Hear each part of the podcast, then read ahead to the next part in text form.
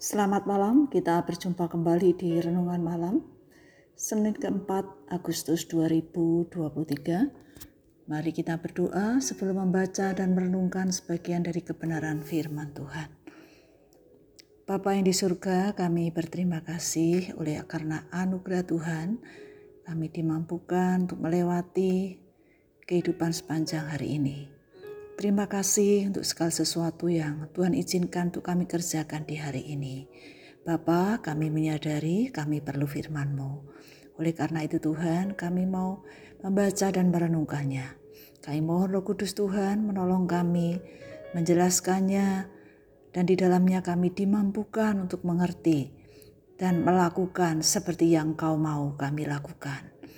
Berbicaralah ya Tuhan, kami siap untuk diperlengkapi oleh kebenaran firman-Mu. Dalam nama Tuhan Yesus kami berdoa. Amin.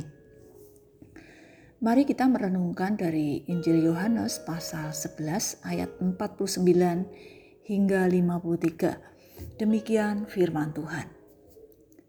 Tetapi seorang di antara mereka, yaitu Kayafas, imam besar pada tahun itu, berkata kepada mereka, kamu tidak tahu apa-apa, dan kamu tidak insaf bahwa lebih berguna bagimu jika satu orang mati untuk bangsa kita daripada seluruh bangsa kita binasa.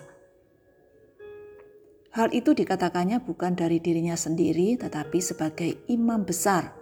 Pada tahun itu, ia bernubuat bahwa Yesus akan mati untuk bangsa itu, dan bukan untuk bangsa itu saja, tetapi juga untuk mengumpulkan dan mempersatukan anak-anak Allah yang tercerai-berai.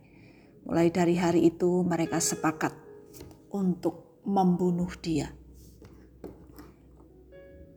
Dalam bagian ini dikisahkan bahwa Allah menggunakan imam besar yang tidak beriman untuk menyampaikan pengharapan, bukan hanya untuk orang-orang Yahudi, tetapi juga untuk menyatukan orang-orang non-Yahudi maupun orang-orang Yahudi sendiri untuk kepentingan semua orang-orang yang percaya di mana pun mereka berada. Dosa mencerai beraikan mereka, namun Yesus datang untuk mempersatukan manusia yang berdosa itu. Hanya Kristus yang dapat menyatukan bangsa-bangsa menjadi satu tubuh Kayafas menunjukkan bahwa orang-orang belum menyadari kedatangan Kristus adalah untuk memenuhi kebutuhan mereka. Ia tidak mengetahui apa-apa. Ia menginginkan lebih baik Yesus mati dan menyelamatkan bangsa Yahudi dari masalah yang lebih besar daripada mereka binasa. Kayafas tidak menyadari telah bernubuat menyampaikan berita kematian Kristus yang memberikan pengharapan dan kehidupan kekal.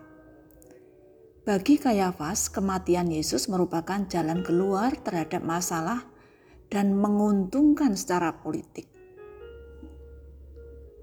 Akhirnya mereka sepakat untuk membunuh Yesus. Memiliki jabatan sebagai imam besar, Kayafas tidak sadar terhadap makna rohani dari apa yang dikatakannya. Kematian Yesus akan menggantikan bangsa Yahudi. Jika Yesus mati, mereka yang percaya akan hidup. Ia mengatakan lebih berguna bagimu jika satu orang mati untuk bangsa kita daripada seluruh bangsa kita binasa. Tentu Kayafas tidak mengatakan hal ini atas kemauannya sendiri, tetapi sebagai imam yang bernubuat bahwa kematian Yesus untuk mengumpulkan menyatukan orang-orang percaya yang tersebar di berbagai tempat. Allah dapat memakai siapa pun untuk mencapai tujuan sesuai dengan rencananya. Dengan sangat jelas, kasihnya tidak berubah oleh karena perbuatan apa pun yang dilakukan manusia. Kasihnya dinyatakan melalui kematiannya untuk menyelamatkan manusia. Kematian Kristus memiliki dampak bagi semua bangsa, membawa pertobatan dan menerima keselamatan. Yesus mati untuk semua orang berdosa yang percaya kepadanya. Oleh sebab itu, marilah kita bersyukur atas kasih Tuhan yang telah dinyatakan sampai mati di atas kayu salib. Mari kita berdoa. Bapa, betapa kami berterima kasih. Firmanmu mengingatkan kami bahwa Engkau bisa memakai siapa pun untuk memberitakan kebenaranmu, menyampaikan berita pengharapan, berita keselamatan, berita sukacita yang hanya ada di dalam Kristus.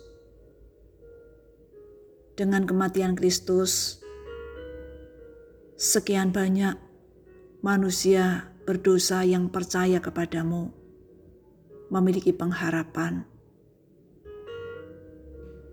memperoleh keselamatan. Mari Tuhan menolong kami sebagai umat pilihan Tuhan, agar kami menghargai akan kematian Kristus, menghargai kasih Kristus yang telah Engkau nyatakan sampai mati di atas kayu salib. Sebagai ungkapan syukur dan kasih kami kepada Tuhan, Tolonglah kami setia dan taat kepada Tuhan selama-lamanya. Dalam perjalanan hidup kami ya Tuhan, teguhkan dan kuatkan iman kami untuk mengiring Tuhan dengan setia. Terima kasih Bapa, kami juga mengingat sesama kami di luar sana yang belum mendengarkan berita sukacita, belum menerima kabar baik. Mari Tuhan yang melembutkan hati mereka, agar mereka menyadari bahwa mereka perlu Sang Juru Selamat yang ada di dalam Kristus.